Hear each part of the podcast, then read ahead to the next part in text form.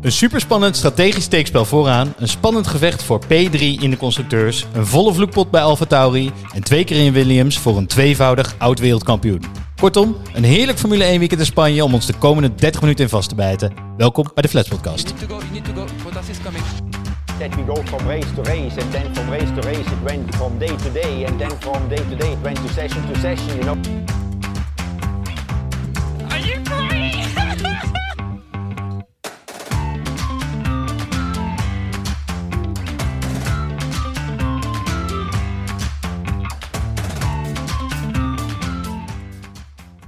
Zo, hallo, hallo, welkom allemaal. Eh, mijn naam is Bram. Zoals altijd bespreken we het komende half uur de afgelopen Grand Prix. Dat is deze week de Grand Prix van Spanje. Eh, dat doe ik met mijn vaste medepresentator Pien. Ja, hi. En, groot nieuws, onze aller, allereerste gast ooit van de show, Peter. Ja, dank jullie wel, jongens. Peter. Mooi om hier te zijn. Ja, leuk. Leuk dat je er bent. Eh jij bent helemaal uit Rotterdam ook komen rijden hiervoor. Zeker, ik heb hier alles voor over. Wij, eh, ja, wij, dat snappen wij ook met een reputatie zoals die van ons. Eh, toch voelen wij ons heel vereerd dat jij aan mag schuiven. De eerste podcastvriend. Vertel eens, hoe lang kijk je eigenlijk al Formule 1? Nou, ik kijk ehm, eigenlijk een groot deel van mijn leven al Formule 1. Alleen ik heb nu pas door dat ik als kind eigenlijk geen reet van begreep. Dus eh, laat ik zeggen dat ik het nu een jaartje of vijf, en dat heeft zeker ook met Max te maken, intensiever vo- volg. Maar vroeger zat ik ook gewoon met mijn broertje eh, voor, de, voor de buis naar Verstappen te kijken, naar zijn pa, naar Jos. Ja, precies. Die heb je ook zien parkeren in de Zeker, zeker, Ja. zeker. Ja, mooi. Eh, leuk. En ehm, gewoon een beetje hè, voor de luisteraars wie jij eigenlijk bent. Wat voor auto rij je bijvoorbeeld? Ja. ja, ik was al bang dat je die zou vragen, eh, Bram. Want dat, ja, goed. Dat is een Toyota Prius.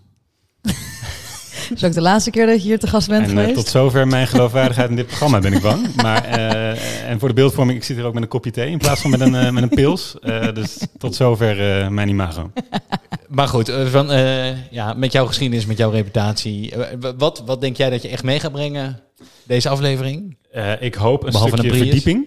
Verdieping in brede zin. Eh, misschien, ja. eh, en, en wat humor, dat heeft de show toch echt wel nodig. Dat heeft, ja, precies. En dan ga ik meteen, eh, dat is een bruggetje naar Pien eigenlijk. Over humorloos gesproken. Pien, welke auto rij jij eigenlijk? ik rij met de benenwagen. Jij rijdt met, ja, Ja, dat begrijp ik, want jij woont er in Amsterdam. Jij komt in principe de ring niet uit natuurlijk. Nee, ik woon in Amsterdam en eh, nee, mijn werkgever die is niet eentje die eh, auto's eh, hè, aan de medewerkers geeft. Zo gul zijn ze niet. Dus ik ga met de benenwagen. Maar ook even voor de eerlijkheid, wanneer ben je, was jij voor het laatst buiten de ring A10? Daar doe ik geen uitspraak over.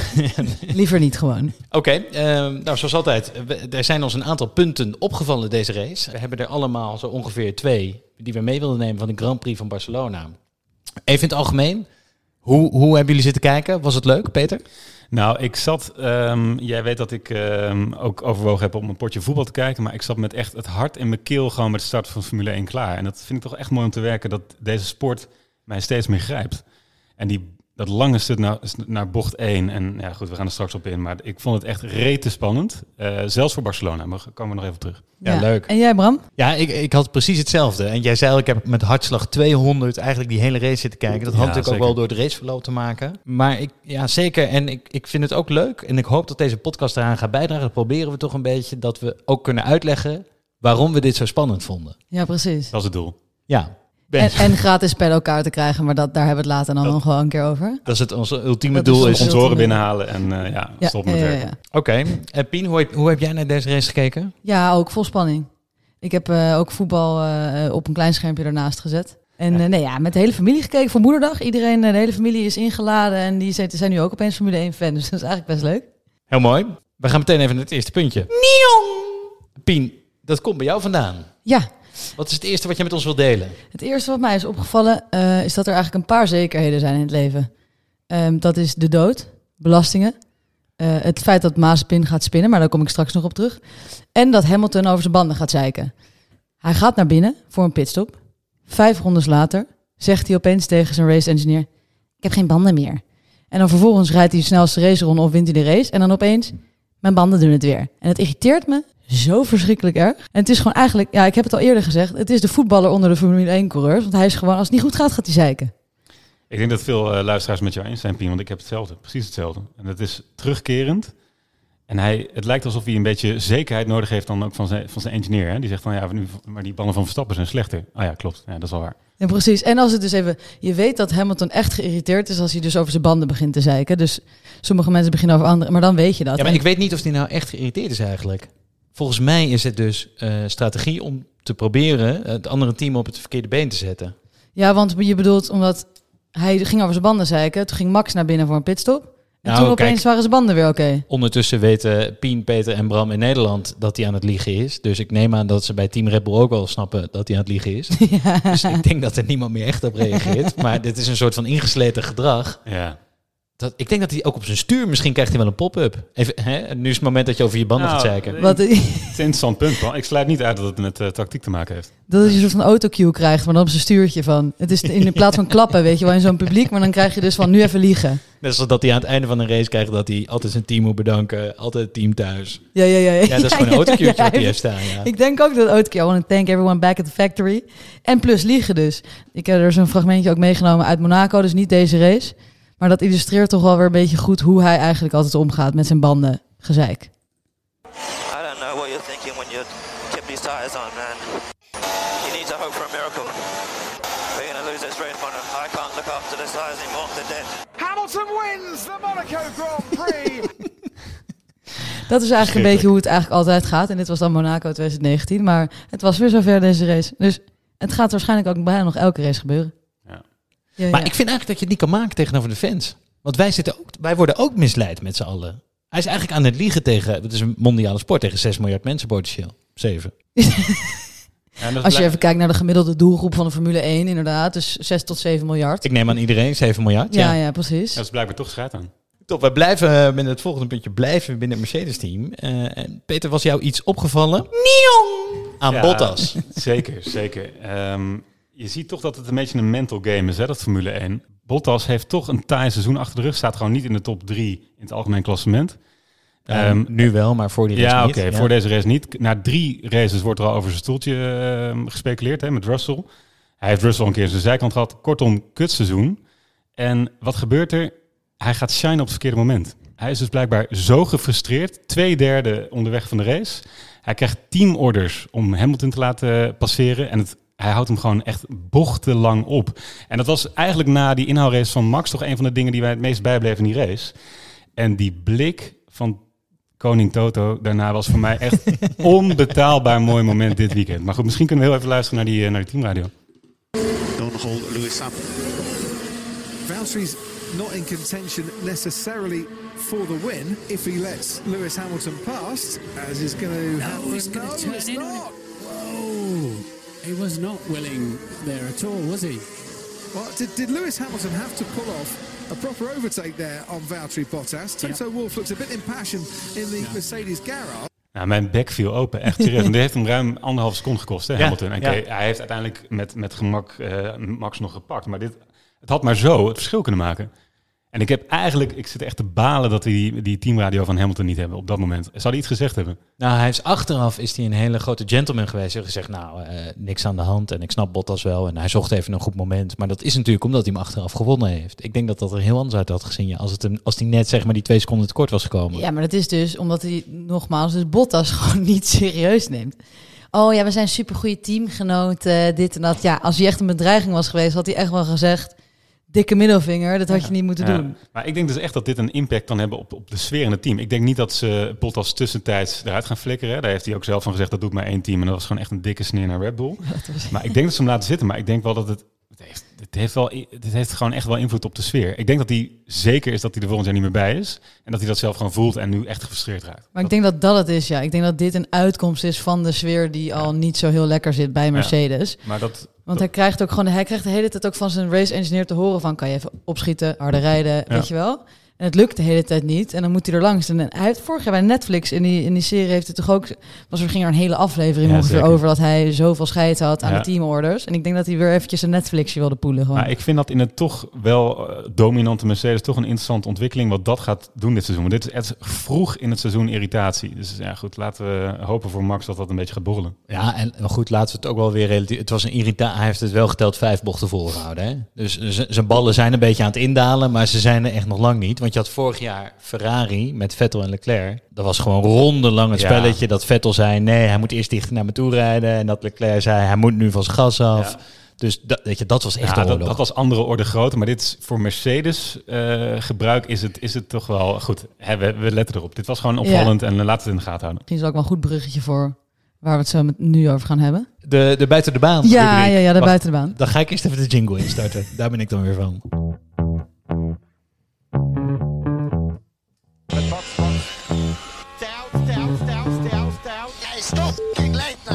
Say. Copy, copy. Zoals altijd mooi aangekondigd door onze grote held Kimi Räikkönen. Pien, jij had inderdaad ook een buiten de baan rubriekje over Mercedes. Ja, dat klopt. Ehm, want het is toch een beetje dus aan het rommelen bij Mercedes. En je merkt het aan meerdere dingen. Red Bull heeft natuurlijk geen motorleverancier meer na volgend jaar. Dus dat is Honda. En die hebben dus besloten dat ze niet verder gaan in Formule 1. Nou, de Red Bull moet dus gaan kijken wat gaan we doen. Want ze zijn geen motorbedrijf. Want ze verkopen blikjes energy drink. Dus wat moet je dan doen? Oké, je moet dus mensen overal weg gaan plukken. Om dus die motor goed te maken voor de komende jaren. En dat doen ze dus bij Mercedes. Dus eh, zij zijn dus gewoon begonnen aan een grote recruitment hunt bij Mercedes. En hebben dus 100 mensen geprobeerd weg te halen daar. En ze hebben er nu 15, waaronder één hele belangrijke speler. En je ziet dus dat zij dus in de media, dus Christian Horner, de teambaas van Red Bull en, eh, en Toto, koning Toto, Koning Toto. Ehm, dat zij dus gewoon de hele tijd in de media ook een beetje tegen elkaar op aan het spelen zijn. Van ja, het boeit me niet. Weet je, zegt Toto dan. En dan zegt Christine Horner, die keffer, zegt dan weer eh, van ja, weet je wel, we halen ze allemaal weg. Dus je ziet ook wel dat die strijd achter de schermen ook aan het toenemen is. En niet alleen op de baan tussen Max en Lewis. Dus dat is wel echt, ja, dat is wel iets om naar uit te kijken. Want dat betekent toch wel dat het ook een beetje bij Mercedes begint te Ja, rammelen. Ja, ik vind dat wel mooi hoor. En het schijnt dus dat eh, engineers die wel blijven of overgehaald zijn om te blijven bij Mercedes, dat die dus een verdubbeling van loon hebben gehad. Ja? Ja, ja. Ja, dat gerucht ging rond, ja. Het, hart, eh, het hart tegen hart. Ja, en iedereen zegt altijd wel dat Max bijvoorbeeld naar Mercedes gaat. Maar zo zeker is volgens mij die toekomst nog helemaal niet hoor. Maar ik vind gewoon die verhouding tussen, tussen Christian Horner en Toto Wolff gewoon echt heel grappig. Want ik vind Toto Wolff echt een beetje zo'n grote Duitse hond. Of in ieder geval een Doberman pincher of zo. En dan Christian Horner is een beetje zo'n klein opgefokt tekkeltje. Die dan heet het zo tegen hem op aan het springen is, weet je wel. Om hem op te fokken. Ja, maar nee, nee, nee, dat vind ik niet. Want je, ik, eh, En jij vindt hem gewoon hard omdat hij met een Spice Girl is hij getrouwd. is met een, een, inderdaad een freaking Spice Girl getrouwd. Ja, maar dus- ook niet de vetste of zo, weet je wel. Ja, dat, heb ik dan, dat, dat maakt mij dan niet uit. Weet je, het is gewoon een Spice Girl, maakt me niet uit, is die mee getrouwd.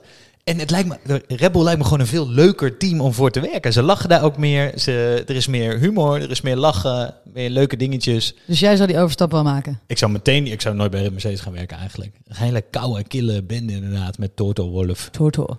We must do better next time. Goed, we gaan, eh, we gaan weer terug naar de Grand Prix van Spanje. Dat is eigenlijk het eerste puntje wat ik mee, mee wil nemen. En dat is het falen van Perez. Wat mijn stelling is dat Max Verstappen deze race verloren heeft... omdat Perez niet naar, naar behoren heeft gefunctioneerd. Perez heeft gekwalificeerd als negende. Spinde ook in de, in de echte belangrijke kwalificatieronde. Faalde en heeft toen eigenlijk al vanaf begin af aan was die kansloos. Wat zie je? Hamilton rijdt achter Max en daarachter rijdt Bottas. Dus Hamilton heeft alle ruimte om dus die tweede pitstop te doen die hij nu gedaan heeft. Nieuwe banden te pakken en Max bij te gaan halen. Als Perez daartussen had gezeten, had hij dat nooit gedaan. Want dan weet hij, ik kom Perez tegen. Nou, je zag zelfs Bottas, hè, die houdt hem vijf bochten op. Dat heeft hem twee seconden gekost. Dus als Perez er even voor was gaan zitten, had hij hem zeg maar twee rondes achter zich kunnen houden. En dan had je net dat verschil gehad. En dan had Mercedes nooit dat risico genomen van die tweede stop van Hamilton. Nu krijgt hij hem gratis, want Perez rijdt ergens ver aan, weet ik veel waar hij eigenlijk zat en waar hij mee bezig was. En, eh, en daardoor verliest Max die race. Nou, het is een interessante theorie. Ik, het heeft absoluut een grote invloed gehad. Of het Hamilton de race had gekost, dat betwijfel ik. Ik denk dat hij nog steeds gewonnen had. Maar Perez had daar inderdaad tussen moeten zitten. Want het was nu echt vrij spel. En dat, Max moet gewoon die tweede rijden korter achter zich hebben. Ja, maar sorry, ik ben het er eigenlijk echt niet mee eens. Red Bull maakt gewoon echt een kutauto voor die tweede coureur. Het is een soort van Maximo, of Maxi-Cosi eigenlijk. Nee, dat is niet waar, dat is echt een hele slechte grap. Maar oké, het is gewoon een auto waar alleen Max voor... Die is gewoon gebouwd om Max. Maxi Koos, ik vind eigenlijk wel een leuke grap nu ik erover nadenk. Ik vind hem best goed. Maar het is gewoon, zeg maar, hij is helemaal om Max heen gebouwd. Dus je ziet gewoon Perez, die is vorig jaar nog kamp, die is vorig jaar heeft hij nog een race gewonnen. Oké, Albon is echt een beetje een mietje. Gasly was misschien te vroeg, maar die gaat dus in zijn AlphaTauri ook lekker. En Perez, die wint gewoon een race voor, die komt in de Red Bull en die kan er helemaal geen reet van. En die zegt ook gewoon, ik moet opnieuw beginnen met rijden. Omdat gewoon die auto is, hij moet gewoon een hele nieuwe rijstijl gaan aannemen. Ja, dat is ook moeilijk. Ja, maar luister nou, Pien. We zitten eerst op Bottas te zeiken. Hè? En, en hoe slecht hij het allemaal wel niet doet. Maar Bottas, die doet tenminste wel mee in dat gevecht in die top drie. Perez, en dan, oké, misschien dat hij wat moeilijker is of wat makkelijker om te rijden. Van mij apart mag hij dus ook vierde worden. Hij hoeft ook niet te winnen van mij. Maar hij heeft wel echt een auto waarin hij mee moet doen in de top vier. Nee, tuurlijk. Maar zeg maar, als je gewoon opnieuw moet leren rijden. Ja, dat is gewoon wel, eh, weet je, ja, ik weet niet. Ik denk Ja, gewoon zet mij dan in die auto. Ja, maar nou, ja, ik moet ook opnieuw leren rijden. En dan kom je achterin bij Mazepin terecht. Nee, Nee, dat- voor wel, dat wel. Eh, de conclusie blijft, het is gewoon echt lang, het is wel lang wachten op Perez nu. Nee, Eh, tuurlijk en ook hij wel. Zegt, eh, dus dat, dat is echt jammer voor Max. Hij zegt zelf, hè, heeft hij eerder dit seizoen gezegd, na vijf races ben ik er. Dat zou dus nou, voor of na komende race moeten zijn in Monaco. Maar ik ben wel benieuwd. Die spin in Q3, dat heeft hem gewoon echt wel het weekend gekost. Echt, Ja, dat echt denk heel ik zonde. ook. Even los van Ricciardo, die gewoon heel lastig deed voor hem. ja. Hoe, goed, hoe lang heeft hij erachter gezeten? 30 Ja, rondes of zo? Ja, hij is echt heel lang la- achtergereden. Ja, maar goed, lastige baan om in te halen. Hè. Daar hebben we al eerder over gehad. Maar hij kwam er voorbij. Echt mooie actie trouwens. Ja. Dus chapeau. Maar uiteindelijk gewoon ja, vijfde. Niet genoeg. Nee, dat is waar. Ik ben benieuwd. Ja, ik, ben benieuwd of ze ooit een tweede rijder gaan vinden voor, die, voor, die, voor, de, voor het Max-mobieletje. Jos.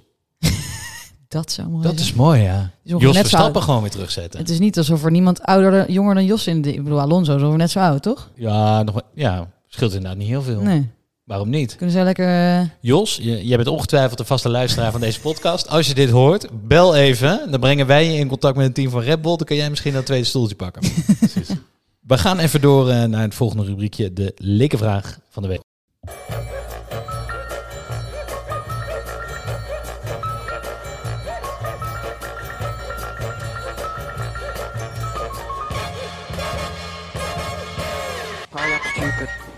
I am stupid. I switch off everything. Ja, ik heb weer een, eh, een luister, luisteraarsvraag meegenomen. Want eh, die groeien elke week. Hè? De R is boven de 1. En van ons luisteraars dan. Ehm, en die vroegen zich af waarom het komt dat strategie zo belangrijk is als bij een baan als Barcelona. Dus eigenlijk gewoon, Goeie vraag. waarom zien we geen actie op de baan? Ja, goede vraag. Dus eh, het, het leukste van Formule 1 is wanneer auto's elkaar inhalen. Daarvoor kijken we die inhaalacties briljant, zoals Max bij die start. Er zijn nou eenmaal circuits waarop dit makkelijker kan dan op andere circuits. En Barcelona is een circuit waarbij het heel moeilijk gaat. Dat heeft te maken met hoe breed die baan is, hoe snel die bochten zijn, eh, kortom de layout. Wat dan eigenlijk de next best thing is, is dat je iemand moet gaan inhalen door de pitstopstrategie. Dus dan ga je, omdat is, dat is dus de enige manier waarop, als dus de ander in de pitstraat staat, dat jij er snel langs kan rijden. En door jouw pitstops eigenlijk aan te passen en iets anders te doen dan je tegenstander, kun je dan ervoor zorgen dat je alsnog diegene inhaalt. En dan hoef je het dus niet op de baan te doen in een bocht, maar dan gebeurt het gewoon in de pitstraat. Dat, is, dat, is, ja, dat gaat er dus over naar welke banden mensen toe gaan, in welke ronde ze dat doen. Misschien moeten we dat eens in een aparte aflevering uitleggen waar je Ja. dan precies op Ja. moet letten. Maar als je dat eenmaal door hebt, dat spelletje, dan is het wel waanzinnig spannend, vind ik, om naar te kijken. Ja, dan is het leuk. En dan zie je ook Formule 1 in optima forma. En dan zie je dat het niet alleen de coureur is die, die, die, die de wedstrijd eh, ingaat. Maar dus het hele team komt bij die strategie om de hoek kijken. Dus mensen in de pitbox, mensen in Engeland die meerekenen. Het is ongelooflijk groot wat daarachter zit. Dus wat dat betreft is het wel een hoogtepunt. Hè? Die, die undercuts, overcuts. Dat soort type strategie. Ja, en het, het zorgt er ook voor dat je echt op het puntje van je stoel gaat zitten. Ondanks dat er dus helemaal niets gebeurt aan inhaalactie op de baan. Dus nu ook, Hamilton die rijdt achter Max. Die gaat dan een extra pitstop maken. Die komt er dan 20 seconden achter Max weer terug op de baan. En dan wordt het de vraag, gaat hij die 20 seconden goed maken? En gaat hij er dan vervolgens overheen kunnen? Ja, dat, eh, dat zorgt ervoor dat de, de spanningsboog voor jou als kijker wordt waanzinnig lang. En tot zes rondes voor het einde wisten we niet wie deze race ging winnen. Maar dit, eh, Hamilton was zeker dit weekend gewoon te snel in die Ja. Mercedes. Nou goed, Duidelijk? gaan we door. En het tweede puntje wat mij was opgevallen in deze race was eigenlijk het, het beter geworden gevecht om de derde plek in het constructeurkampioenschap. Dus dat is het gevecht tussen de teams. De teams kunnen ook van elkaar winnen. Je hebt duidelijk Mercedes en Red Bull vooraan. En daarna McLaren en Ferrari. Twee hele oude namen in de Formule 1. Eigenlijk de, de enige twee teams samen met Williams met een beetje historie. En die, zijn, die staan nu vijf puntjes van elkaar in het constructeurkampioenschap. Ja. Die eerste drie races waren voor McLaren. Met Norris die het heel goed deed. En nu, eh, Ferrari zit er veel beter bij. En dat, ik vind dat eh, schitterend om te zien. En dat is echt leuk om in de gaten te houden dus. Want er komt niet zo heel veel in beeld. Maar dat gevecht tussen die twee... Ja, dat, ik voorspel je, dit gaat, ze staan zo dicht tot en met de ene laatste race van dit seizoen. Ja, het is vet dat eh, Ferrari zich een beetje aan de top van het middenveld mengt. En mede als je weet dat, hè, ze hebben zelf uitgesproken, 90, 95% van de focus ligt al op eigenlijk op volgend seizoen en de ontwikkeling van die auto. Maar dat ze nu toch meedoen en toch die stap hebben gemaakt. Ik vind het heel vet. Ja, en het is, ik vind dus wel ook het best knap dat Leclerc is, zit er eigenlijk altijd wel echt heel dichtbij. Als in bij de top top. Toch? Hij doet het gewoon wel eigenlijk echt goed. Bijna continu vieren. Volgens mij Ja. kwalificeert hij zich continu als vierde. Ja. Hij, kwa- hij kwalificeert continu als vierde en Norris werd de hele tijd vierde Ja. in de race. Maar nu hebben die Ferraris het ook wel echt beter gedaan dan die McLaren's. Ja, het is dus, eh, het, ja, ze doen het wel weer echt goed. Vorig, vorig jaar was het natuurlijk één groot drama. Maar het lijkt alsof ze het wel weer echt een beetje hebben opgepakt gewoon dit jaar. En Ricciardo die, die eindelijk nu voor zijn teammaat eh plaatst. Hè. Dus wordt vijfde. Eh, Norris, eh, sorry, Ricciardo wordt zesde. eh, Norris achtste. Maar Sainz op zijn eigen, eigenlijk zijn, zijn thuisbasis, toch weer achter Leclerc. Wat, hoe denken jullie dat met Sainz gaat? Ja, eh, lastig. Hij moet wennen. Maar ja, dat hebben we net gehoord. Dat is geen argument. Ehm, en ja, Leclerc is gewoon echt heel goed. Die, is, die zit ook al lang in zo'n Ferrari. En die, ja, die is gewoon een beetje hetzelfde niveau als Max, denk ik. Eh, qua... Nou, nou, nou, nou, nou, rustig aan. Ja, oké, maar ja. Kijk, Max en Hamilton zijn, zijn buitenproportioneel wereldniveau. Ja, dat klopt ook wel. Maar als ik denk als, eh, als Leclerc in een, in een Red Bull had gezeten, dat hij dan ook wel echt bijzonder snel. Ja, niet in die tweede Red Bull, maar in die eerste Red Bull. In de Maxicosi ja, in gezeten. Maxicosi dan als hij niet vooruit gegaan. Maar als hij in de Mercedes had gezeten, dan had hij. Hij is wel echt goed hoor. Als Ferrari het uiteindelijk werd oppikken, dan eh, gaat hij. Ja, dan is Sainz gewoon geen partij. Nee, ik denk ook niet. Sainz, maar ja, dus toch super als tweede rijder zo bij Ferrari. Toch, ja, laten we heel eerlijk zijn, echt veel beter dan Vettel. Want Vettel die reed eh, ergens eh, achteraan het middenveld rond. En eh, Sainz doet wel mee bovenin. En wordt volgens mij ook nog wel iedere race een stukje beter weer. Ja, dat is ook waar. En je krijgt wel een dikke auto van, het, van, van, weet je wel, van je werkgever. Geen Toyota Prius in ieder geval. dankjewel, dankjewel, dankjewel. Nee, maar goed, maar verder is dat middenveld wel wat dunner. Hè? Dus dat, in vergelijking met vorig jaar. Dus nu, nu Ferrari, McLaren. eh, Ja, die, en die zijn ook wel echt los van de rest ja. hoor. Want Dus daarna, dat is echt een verschil met vorig jaar. Dus we hebben het natuurlijk ook vorige aflevering wel gehad over Alpine, die dan toch weer een beetje meededen. En, en Gasly komt af en toe mee. Maar als je naar puntenaantal gaat kijken, zijn ze al ver los met z'n tweeën van de rest. Ja. Ja, terwijl Alpine eh, kwalificeerde eigenlijk prima. Ook kon volgens mij vijfde. Het valt wel terug naar, naar, naar negen uiteindelijk. Goed, eh, Alonso is helemaal, eh, uiteindelijk helemaal teruggevallen naar 17. Maar de kwalificatie was goed. Dus dat biedt misschien wel wat hoop voor het middenveld... dat Alpine daar toch misschien iets korter op zit dan wij nu inschatten. Hey, maar wel mooi trouwens, want er is een fragment ook dat Ferrari heel even leek alsof ze weer even terug vorig jaar waren. Namelijk een boordradiostukje dat Leclerc informatie krijgt van zijn race engineer over iets totaal willekeurigs waar hij eigenlijk helemaal niks aan heeft. Ricciardo 24.5. Why did he give me the Ricciardo lap time? I don't need it. Copy. Ricciardo free air behind Bottas. Dat is toch niet normaal? Best wel cocky. Ja, dat is toch niet normaal? Ik kreeg gewoon echt déjà vu weer naar vorig jaar. Ja, maar die engineer is zeg maar... Die, die man komt over alsof die oliedom is. Ja, ja, ja. ja. Want eh, hij, hij zegt, hij, je hoort hem dus zeggen... Why do you give me the time from Ricciardo? En, als, en dan geeft hij weer een stuk informatie van Ricciardo. Hij geeft helemaal geen antwoord op die vraag. Dat is toch geweldig? Ja, ik vind het leuk. Oké, goed. Laten we doorgaan. We gaan door. Volgende puntje dat ons eigenlijk allemaal eh, is opgevallen... is Yuki Tsunoda. Die jongen is dus super goed begonnen aan het seizoen. Dacht hij, eh, een van de weinige rookies die in zijn eerste race een punt wist te halen. Maar is wat mij betreft helemaal door het ijs gezakt. Vond ik in het begin nog wel grappig dat hij zoveel aan het schelden was. Begint ondertussen knap irritant te worden. En nu ook in de kwalificatie, moet je maar luisteren. Daar, eh, is hij aan. Dus hij scheldt nu ook echt op de auto waar hij in zit. Waar hij dus heel slecht in kwalificeert. Terwijl Gasly daar prima in kwalificeert. Laten we even luisteren. Box, box. P16 naar Yuki. P16. I can't fucking believe this car. Box, box. Je hoort bijna die engineer tot drie tellen, hè? Ja. Zo, oh, oké, nee, blijf rustig, weet je, box, box. Het is, hij blijft ook heel eventjes stil. Nee, maar dit is, natuurlijk scheldt die man veel en dat zal hij ongetwijfeld nog wel blijven doen, maar hij moet zich wel echt gaan inhouden. Heeft het team ook tegen hem gezegd. En wat gebeurt er in die race? Valt die, uit, zeg maar, valt die, eh, die auto stil. En dan mag je best wel even voor schelden normaal gesproken. Doet iedereen, doet Max bijvoorbeeld ook best wel veel.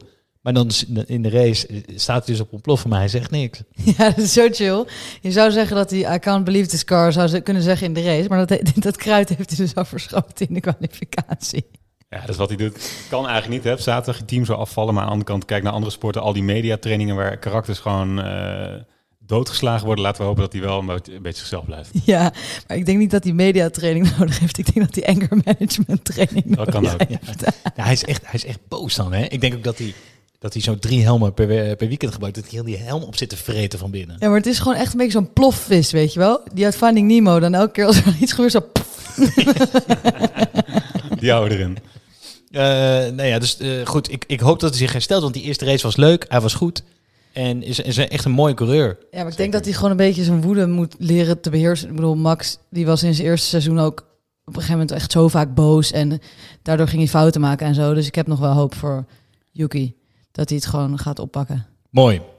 Voor iemand eh, met wie we eigenlijk waar we geen hoop meer voor hebben, gaan we door naar het volgende rubriekje. Maaspin, seizoen 1, aflevering 4. ik denk dat ik je ook Mazepin ga noemen. Ja, geloof ik. ja. Maar ik geef elke week dus een, een bijnaam aan Maaspin. Peter, eh, Ja, dat je heb ik bent natuurlijk, eh, ja, zeker. je hebt natuurlijk altijd geluisterd. En deze week krijgt uh, Maaspin van mij de bijnaam Mazenvriendin. Eh en waarom is dat nou? Nou, normaal, hij, het is een soort van checklist kan je maken van de mensen die hij al boos heeft gemaakt. Maar deze keer heeft hij dus best goede zaken gedaan. Want hij negeerde dus weer een blauwe vlag voor Hamilton, wat voordelig was voor Max Verstappen. Zeker. Dus vandaar dat hij deze week onze Mazenvriendin is. Dus eh, ja, zet hem, maar, zet hem maar in die boordradio. Want Toto die was even helemaal niet tevreden met het feit dat Mazepin dus niet aan de kant ging voor Hamilton. En die heeft niet alleen op de boordradio gezegd, maar die ging dus even de wedstrijdleiding in radioen om te zeggen dat Mazepin eventjes moest ophoepelen. Blue flags. Michael, this guy makes us lose the position. Blue flags. Ja, maar dit, is dus- dit schijnt dus wel uniek te zijn. hè. Even los van dat wij dit mogen horen als luisteraar. Dat is al superleuk. Maar Toto doet dit blijkbaar nooit. En soms heb ik het gevoel, zoals we al eerder in deze uitzending bespraken... dat Mercedes eigenlijk beter op orde heeft dan dat ze zich voordoen. Maar hier zat toch wel echt een stukje stress in zijn stem. En dat, dat geeft mij dan weer hoop voor Max. Ja, ja, ja, ja zeker weten. En, en ook, dus eigenlijk, ik vind het gewoon ook debiel. Ja, ik, ik weet niet of het normaal is dat je dus de wedstrijdleiding eventjes zo op gaat piepen van geregel dit eventjes. Ik, ja, ik vind het ook weer zo typisch koning Toto dat hij dat dan weer doet. Blijkbaar gebeurt het al, maar het wordt nu gewoon uitgezonden. Waar ik voor pleit, hè, is dus een, een nieuwe vlag. Want Mazepin snapt de blauwe vlag niet, dat is duidelijk. Hè. Vorige keer rijdt Perez bijna in zijn achterkant, omdat hij gewoon niet aan de kant gaat. Nu Hamilton. Ehm, dus volgens mij moet er een nieuwe vlag geïntroduceerd worden, wat mij betreft knalpaars. En is meer voor de andere rijders dat Mazepin voor ze zit. Vlaggen, daar rijdt iemand die heeft er niets van begrepen. Kijk uit. Ik denk dat iedereen hier wel echt voor zou zijn. En het mooie is ook nog, eh, hij is dus wel alsnog, voor de luisteraars die zich al afvroegen, is hij nou gespind? Hij is gespind in de eerste twee rondes van de eerste vrije training. Dus dat gelukkig ook nog. En hij is dus als laatste gekwalificeerd in de, op zaterdag. Maar daar heeft hij dus nog een drie eh, plekken gridstraf bij gekregen. Omdat hij dus Norris heeft geblokkeerd in de kwalificatie. En dat is gewoon dweilen met de kraan open. Ik weet niet waar ze hem op een gegeven moment willen laten starten. In de parkeerplaats of bij de ticketautomaat of zo. Want verder dan dat kan je hem niet, denk ik, zetten. Maar het, hij, heeft, hij heeft weer voor heel veel entertainmentwaarde gezorgd. Pijnlijk. Ik vind die paars, ik vind dat, dat moet er wel inhouden. Maar wanneer zegt zijn pa nou, die betaalt dus voor zijn stoeltje. Ja. Die heet ook Mazepin, ik bedoel, neem ik aan. Het is een familienaam. Zeker. Op een gegeven moment zeg je toch van, joh, het is mooi, we, we staan zo erg voor lul. Weer voor die 7 miljard mensen. Ik denk als je zoveel pieken hebt, dat, dat, dat schaamte misschien wel, eh, dat je dat wel De stadium voorbij. echt letterlijk voorbij Ja, bent. Ma- Mazepin is wel echt de schaamte wereld. voorbij. Ik, I own this team. En jullie doen maar gewoon eh, wat, wat wij zeggen. Ik denk dat hij, ja, hij blijft wel zitten. Maar hoeveel geld kost, zeg maar, je hebt dus gewoon, oké, je hebt een dure zoon. Maar elke keer als hij hem dus weer crasht, dat kost hem toch zoveel pieken gewoon. Ja, maar op een gegeven moment kan je toch gaan rekenen. Ik weet niet wat een Formule 1 auto kost. Moeten we misschien een nieuwe rubriek van gaan maken. Wat kost iets? Hé, hey, leuk. Wat kost dat? Dat is een leuk idee. Wat kost dat? Maar op een gegeven moment kan je toch rekenen wat hij aan sponsorgeld meeneemt en wat hij eigenlijk afschrijft aan de auto iedere keer. Ja, volgens mij komt dat inderdaad net niet op break-even uit. Dat gaan we wel even uitrekenen. Dat vind ik wel leuk. Mooi, doen we voor de volgende keer. Ja. Hey, wij gaan richting het einde, maar niet voordat wij de ode van de week hebben gebracht. Yes.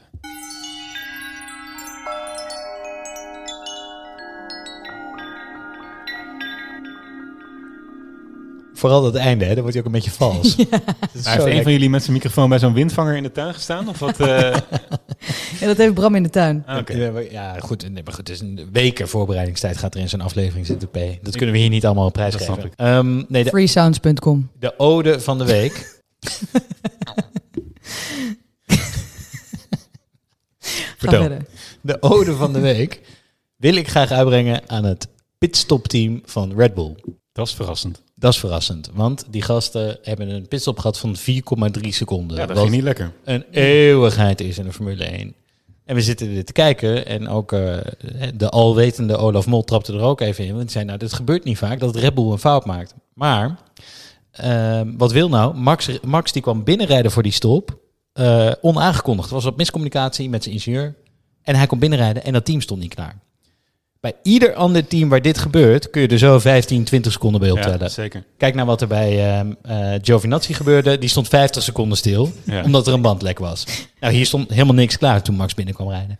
En dat je dan alsnog een pitstop in 4,3 seconden eruit weet te persen. Ja, oké. Ja, jij wil eigenlijk zeggen, dit is fucking knap. Dit is Ja. heel erg knap. 4,3 is het gemiddelde van de Ferrari, hè? ongeveer moet je Ja. denken. Ah, Voor punt. een team wat niet qua... Nou, en waanzinnig. Die gasten hè, pakken seizoen in en uit. Pakken ze de snelste pitstop. Ja. Hebben ook nu dit seizoen weer de snelste pitstop. Elke race weer de snelste pitstop. Maar bij Giovinazzi wel lullig, hè? Een lekker band. Ja, maar die, die man die dus eh, identificeerde dat die band lek was, die was dus eerst gewoon vier, de, de tijd van de pitstop van Red Bull op die band aan het slaan om te laten zien dat die lek was. Dan denk je toch, ga gewoon een nieuwe band halen, weet je wel? En dan heeft hij dus ook al 15 seconden mee gelopen toen hij hem Ja, dus hoezo kom je er dan pas Hij heeft hem achter? gepakt, uit die hoes gedaan. En de moment supreme. Misschien heeft hij hem zelf lek gestoken. Ja, dat zou wel goed. Dat hij zo aan het slaan is. Eh, het was een rommelig pitstop weekend, maar Bram, hij was voor mij onverwacht. Maar ik snap je ode van de week. Ja, ik snap hem ook. En wat ik me dan ook wel afvraag is waarom die andere teams hier niet op trainen. Ik vraag me dat ook altijd af, want Mercedes is ook bijzonder slecht hè, in, in pitstops. Nou, 2,6, 2,7. Ja, het is, het, is een, het is wel een verschil met Red Bull. Nou, ze hebben die van Bottas wel toch eh, ja, een paar maar- keer... eh, Eh, Op de een of andere manier, als ze in Bahrein komen, gaat het echt goed mis. Ja, ja, ja. er zit iets in de lucht daar. Ja, dat- voor Mercedes wel, ja. Slechte pitstoplucht. Typerend. Oké. Hey, we gaan, eh, we gaan naar eh, het laatste, laatste onderdeeltje. En dat is de vooruitblik naar de komende Grand Prix. En dat is met er eentje. Ja, Monaco. De oudste. Ik heb er wel echt veel zin in. Maar nogmaals, eh, kruis door zaterdagmiddag, want dat is, dat is echt het belangrijkste. Dat is het, vorig jaar heeft Max hem nog echt geprobeerd nog even voor Hamilton te parkeren daar in, uit, naar die tunnel. Maar het wordt echt een, het wordt een kwalificatie. eh, het hangt alles, alles hangt van zaterdagmiddag af. Maar dit is toch wel... Laten we dan nu dit eens proberen uit te leggen. Want het is dus een race waarvan iedereen weet, je kan daar niet inhalen. En Ja. we hebben net gezegd, het allerleukste aan Formule 1 is wanneer iemand de ander inhaalt. Ja. Waarom kijken we dan alsnog uit naar Monaco? Ik heb het ook lange tijd niet begrepen.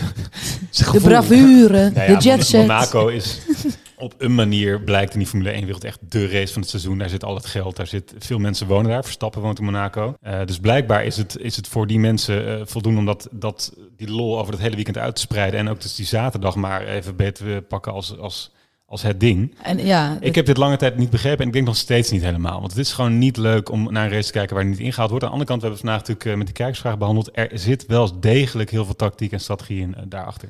Ja, en het is wel gewoon mooi. Het, het is een beetje als de Ferrari onder de racetracks, denk ik. Het is ook vet dat het gewoon midden zo door die stad gaat, weet je wel. Het is de oudste Grand Prix van de kalender. Je, ja, je rijdt gewoon door Monaco heen, maar dan met 300 km per uur. En zeg maar, als je één klein mini-foutje maakt, dan zit je niet in Ja. een grindbak, maar dan zit je gewoon tegen een muur aan. Crash is gegarandeerd. Ja, crash. Dus Mazepin, ik denk dat iedereen, net als, weet je wel, toen bij die demonstraties op de Dam, dat iedereen dan zijn winkel zo ging afschermen met hout. ik denk dat iedereen dat dan gaat doen in, in Monaco. Paarse vlag. Ja, paarse vlag. Nou, ik, ik denk ook, het zit hem natuurlijk in die vangrail. Dat is hem, de, Ja. de schoonheid van Monaco is misschien wel de vangrail. Want als je dit circuit inderdaad in de zandbak had gelegd en dan met track limits, hè, dat, dat ze echt niet over de lijn heen mochten, Ja. hadden we er niks aan gevonden. Maar het is nu dat je nou, met meer dan 300 km per uur gewoon keihard op een vangrail afrijdt en dat letterlijk één centimetertje lig je uit de race. Ja, en het is wel een Red Bull race. Hè? Dus, dus, dus heb je die, de wielbasis, de afstand is wat korter. Hè? Red Bull heeft een iets kortere auto dan Mercedes. Het is, van oudsher is het een Red Bull race. Dus laten we hopen dat Max er gewoon goed presteert. Ja, volgens mij, wie zei het nou? Piquet, volgens mij, die heeft ooit gezegd... het is alsof je een fiets eh, bestuurt in je woonkamer. Vind ik best leuk. Ja. bedacht. Mooi Ligt daar nog groot je woonkamer is. Nee, dat is ook wel waar. Mijn woonkamer is het wel vrij ingewikkeld. We kunnen wel mijn woonkamer hier nu verkopen en dan een kaartje voor Monaco ervan kopen. Ja, dat zou wel mooi zijn. Ik zou erbij. Ken jij of ben jij iemand met een appartement en of boot in Monaco? Laat het ons weten. Max, we weten dat jij waarschijnlijk ook naar deze podcast luistert. Als wij eventjes een weekendje je appartement mogen lenen, Zou wel mooi zijn. maken wij wat extra reclame in deze podcast voor. Zeker. Oké, hey, we gaan hem afsluiten. Peet, heel veel dank voor je Heel veel komst. dank. Ja, graag gedaan jongens. Vond het leuk. Eh, doe ze de groeten weer in, eh, in Rotterdam. Zal ik doen. De 010 zoals we ze hier noemen. Succes met de rit naar huis. Eh, Ben je wel opgeladen? Eh, hybride, hè, hybride. Ik laat niet op. Hij laat zichzelf op. Het hybride tijdperk. Hè? Ah. Wat dat betreft is het Ja, ik loop Ja, vooruit. wat dat betreft Toyota, wel, ja. nieuwe team. Hey ho. Hey, oh, nou, prettige, prettige dagen. Prettige wedstrijd.